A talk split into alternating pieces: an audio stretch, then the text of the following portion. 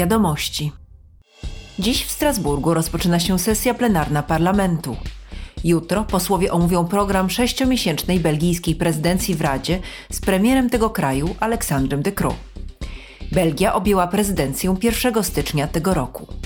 Belgijski rząd uważa, że 13 już prezydencja Belgii przypada na trudny dla Unii moment – Musi ona zmierzyć się ze skutkami rosyjskiego ataku na Ukrainę, pandemii, kryzysu energetycznego, dezinformacji, ekstremalnych zjawisk pogodowych i odnowienia się konfliktu na Bliskim Wschodzie.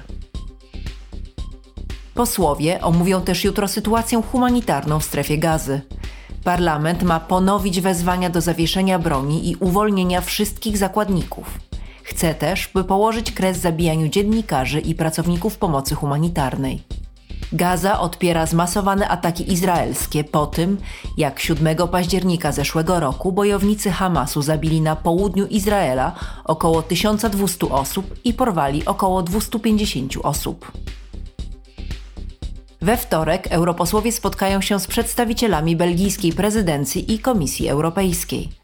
Będą rozmawiać o tym, jak zapobiegać powrotowi faszyzmu w Europie – już w 2019 roku, podczas sesji plenarnej, posłowie zwrócili uwagę na niebezpieczeństwo, jakie stanowi prawicowy ekstremizm.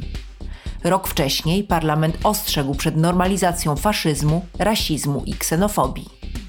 Wezwał też państwa członkowskie do zdelegalizowania grup neofaszystowskich i neonazistowskich.